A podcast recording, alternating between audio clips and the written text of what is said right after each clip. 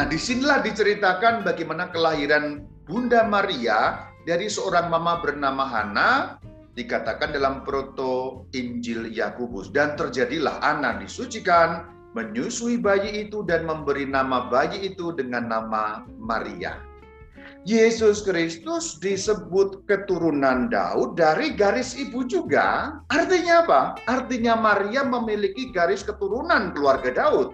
Lalu pada tahun 48 Masehi, Bunda Maria meninggal. Itu tercatat di dalam kitab yang berjudul Eusebi Chronicorum atau kronik dari Bapak Gereja Eusebius. kita mau bicara mengenai riwayat hidup Bunda Maria. Untuk memulai latar belakang Bunda Maria, kita bicara mengenai putranya lebih dulu. Kita sudah tahu semuanya bahwa Yesus itu keturunan Daud. Kalau kita membuka Lukas 18 ayat 38 contohnya, ada pernyataan dalam Injil Lukas seperti ini. Lalu ia, yaitu seorang buta, berseru, Yesus anak Daud, kasihanilah aku. Jadi ada perkataan anak Daud. Karena Yesus mewarisi garis keturunan Daud melalui sisi ayah, berarti dari jalur ayah. Matius 1 ayat yang ke-20. Kalau kita meneliti Alkitab dan tradisi suci ternyata Yesus Kristus disebut keturunan Daud dari garis ibu juga. Artinya apa? Artinya Maria memiliki garis keturunan keluarga Daud. Nas ini banyak orang membaca, tetapi kemungkinan nggak terlalu sadar bahwa di dalam Injil Lukas pada pasal yang pertama, mulai dari ayat yang ke-30 tersimpan info mengenai Maria yang memiliki garis Daud. Menurut daging, Yesus diperanakan dari siapa? Tentulah dari Maria, bukan dari Yosef. Karena kedagingan Yesus mengambil dari kedagingan Maria. Kemanusiaan Yesus itu mengambil kemanusiaan Maria dalam arti daging darah Maria menjadi daging darah Yesus secara manusia. Berarti di sini kalau dikatakan menurut daging dari keturunan Daud, artinya Maria keturunan Daud. Itu asal usul. Jadi kita membahas Yesus Kristus, tapi sekaligus membahas mamanya Bunda Maria sebagai subjek yang kita bahas pada pertemuan kali ini. Nah sekarang kita membahas orang tua Maria yang menurut tradisi suci bernama Yoakim dan Hanah Nah, di dalam proto Injil Yakobus yang tadi bagian awal juga sudah saya kutip, pada bab yang pertama disebutkan nama Yoakim di sana. Ya, di dalam pasal yang kedua dikatakan dan istrinya, nya yang di situ maksudnya Yoakim, berarti maksudnya istri Yoakim, namanya Ana. Tokoh yang kedua yang bernama Ana sebagai istri Yoakim. Berarti dari proto Injil Yakobus pada pasal yang pertama dan pasal kedua kita mengenal dua tokoh ini Yoakim dan Ana. Ana tidak memiliki anak. Lalu dikatakan, aku menangis keras. Nah, di sini di dalam proto Injil Yakobus pada pasal yang keempat itu dikatakan bahwa Tuhan mendengarkan doa Ana dan diberi perintah bahwa Ana akan mengandung dan perintah itu datang dari Tuhan melalui seorang malaikatnya. Bunyinya nasnya dan melihatlah seorang malaikat Tuhan berdiri berkata, "Ana, Ana, Tuhan telah mendengarkan doamu dan engkau akan mengandung. Berarti di sini Ana yang sebelumnya tidak memiliki anak dia bersedih karena itu kemudian mohon kepada Tuhan akhirnya doanya dikabulkan sehingga ia mengandung. Bab yang kelima. Nah di sinilah diceritakan bagaimana kelahiran Bunda Maria dari seorang mama bernama Hana dikatakan dalam proto Injil Yakobus dan terjadilah Ana disucikan menyusui bayi itu dan memberi nama bayi itu dengan nama Maria. Dan beberapa ahli, beberapa tradisi suci lebih cenderung mengatakan Bunda Maria lahir di Yerusalem atau lahir di sekitar Yerusalem. Meskipun ada dua proposal lain yang mengatakan hal yang berbeda yaitu Sephorus dan Bethlehem. Sekarang kita bahas mengenai Maria dipersembahkan di bait Allah. Kita juga tahu bahwa Yesus dipersembahkan di bait Allah, tetapi Bunda Maria pun dipersembahkan di bait Allah. Dan kita lihat bagaimana cerita berlanjut masih pada pasal yang ketujuh. Dan Yoakim berkata, baiklah kita menunggu. Tadi usulnya dua tahun, Lalu Hana mengusulkan tiga tahun diskusi suami istri. Ini bagus ya. Dan anak itu berumur tiga tahun. Artinya setelah berumur tiga tahun, Yohakim berkata, undanglah semua putri-putri Ibrani, supaya anak ini tidak kembali dan hatinya terpikat kepada bait Allah. Dan mereka melakukannya demikian hingga mereka tiba di bait Allah. Dan imam menerima anak itu, berarti menerima Maria yang masih kecil umurnya berapa? Tiga tahun menciumnya, memberkatinya, kemudian berkata. Inilah perkataan imam. Dan perkataan imam yang menerima di bait suci itu menjadi seperti nubuat bagi Bunda Maria itu sendiri. Kita baca. Dalam dirimu, maksudnya dirimu di sini dalam diri Bunda Maria yang waktu itu masih anak berusia tiga tahun. Pada hari-hari akhir, Tuhan akan melaksanakan penebusan bagi anak-anak Israel. Dan imam mendudukannya, maksudnya mendudukan Maria kecil umur tiga tahun di anak tangga ketiga di depan mesbah. Dan Tuhan Allah memberinya rahmat, maksudnya memberi Maria. Lalu diceritakan Maria menari dengan kakinya, dung tatak dung tatak dung tatak dung. Dan seluruh Bani Israel mengasihinya. Ini cerita bagaimana presentasio Bunda Maria kepada bait Allah diterima oleh seorang imam dan ternyata diceritakan dalam proto Injil Yakobus pada pasal yang ke-8 Bunda Maria betah kerasan di bait Allah. Sekarang kita bahas mengenai peran Maria seperti apa. Lalu kunjungan kaum Majus itu terjadi setelah sunatnya Yesus. Terjadi setelah Bunda Maria mengalami pentahiran. Ini kunjungan kaum Majusi yang juga dikenal dengan nama tiga raja. Meskipun, meskipun jumlahnya nggak tentu apakah itu tiga atau berapa. Dikatakan dalam uh, Injil Matius 2 ayat 11. Perhatikan, ayat ini menarik sekali. Sangat menarik. Ini bisa diuraikan sebenarnya, tapi ya saya uraikan singkat saja. Injil Matius itu bercerita dari sudut ayah sebenarnya, dari sudut Yosef sebenarnya. Maka yang mendapat perintah, yang mendapat mimpi dalam Injil Matius itu Yosef. Jadi Matius bercerita dari sisi Yosef karena Orang Yahudi itu garis ayah. Maka Matius menulis menurut garis ayah karena apa? Matius itu dulu menulis dalam bahasa Aram, pendengarnya orang Yahudi tulen. Maka harus dari sisi ayah. Tetapi ketika tiba di Matius bab 2 ayat yang ke-11, ketika menceritakan kunjungan kaum Majusi, tiga raja dari timur, Yosef tidak disebut bahkan di sana. Jadi mereka masuk tiga orang itu, atau Injil tidak menyebut jumlahnya. Mereka melihat anak itu bersama Maria ibunya. Lalu sujud menyembah dia. Perhatikan, Yosef tidak ada. Jadi menarik bahwa Matius yang menggunakan sisi ayah, kali ini tidak menyebut ayah.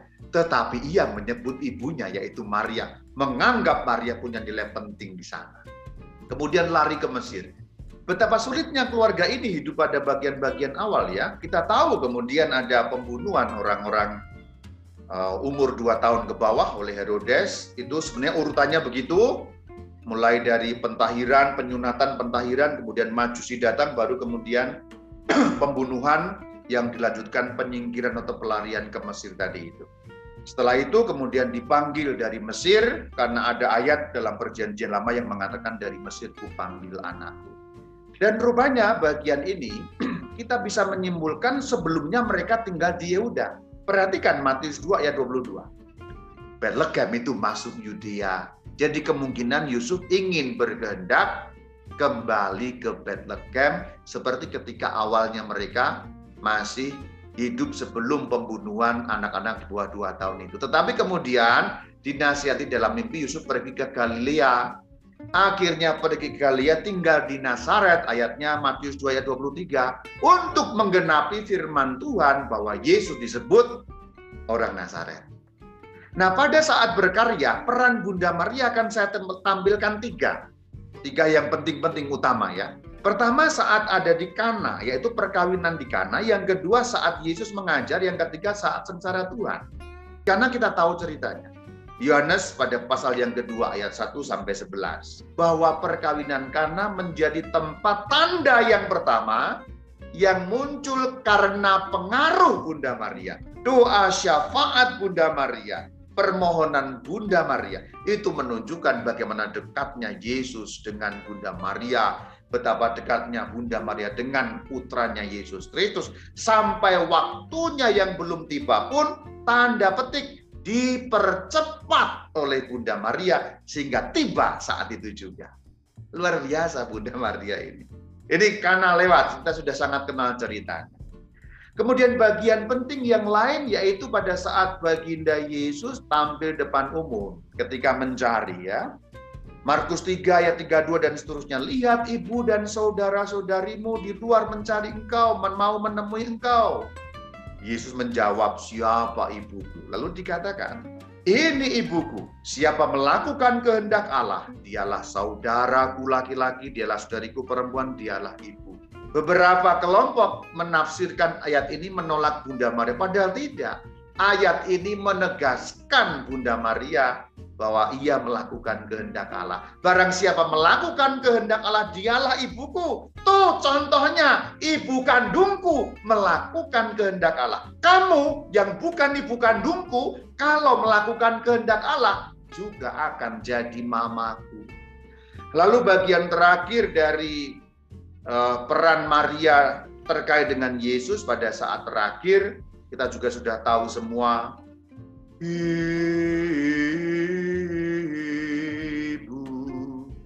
inilah anakmu. Inilah ibumu. Adegan disalib ya. Bunda Maria dan Santo Yohanes Rasul Yohanes Penginjil lalu menerima dia, menerima Bunda Maria dalam rumahnya. Kita lihat bagian terakhir yang cetak warna kuning. Sejak saat itu murid itu menerima dia di dalam rumahnya dan tradisi suci menerima tafsiran bahwa murid itu adalah Yohanes Penginjil. Maka setelah kebangkitan Tuhan, kita bisa melihat bagaimana perkembangan hidup Bunda Maria, kemudian terkait dengan perkembangan kehidupan Yohanes Rasul. Artinya, episode setelah kebangkitan Tuhan kita bisa meneliti kehidupan Yohanes untuk mengetahui kurang lebihnya kehidupan Bunda Maria seperti apa. Kisah Rasul 3 ayat 1. Yohanes pergi ke bait suci berarti pada adegan-adegan itu Bunda Maria masih berada di Yerusalem bersama dengan Yohanes. Bahkan setelah pertobatan Saulus alias Paulus, Bunda Maria berarti masih ada di Yerusalem. Maria di Yerusalem. Apakah setelah itu kemudian Yohanes di Yerusalem? Tampaknya kemudian mereka berpindah tempat. Ini terbukti dari kisah Rasul 12 ayat 1. Pada zaman Raja Herodes, ini Herodes Agripa yang dimaksud, ia bertindak keras menganiaya. Kira-kira tahun 41 sampai 44 Masehi. Dan para rasul berpencar keluar dari Yerusalem. Bunda Maria mengikuti gerak Rasul Yohanes yang keluar dari Yerusalem. Tradisi suci menceritakan bagi kita di dalam kitab yang ditulis oleh Bapak Gereja yang bernama Eusebius, dalam kitab yang berjudul Historica Ecclesiastica, pada volume yang ketiga, pasal pertama ayat pertama dikatakan Rasul Suci tersebar ke seluruh dunia. Ke mana?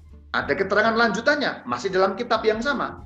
Menurut tradisi, Parsia dipercayakan kepada Thomas dan seterusnya, tidak terlalu penting yang lain langsung yang warna kuning. Asia kepada Yohanes. Berarti Yohanes pergi ke Asia yaitu wilayah kota Efesus. Jadi Bunda Maria pindah dari Yudea ke Efesus. Itulah kenapa beberapa tradisi suci mengatakan Bunda Maria meninggal dunia di Efesus. Tapi sebenarnya Bunda Maria kembali lagi ke Yerusalem.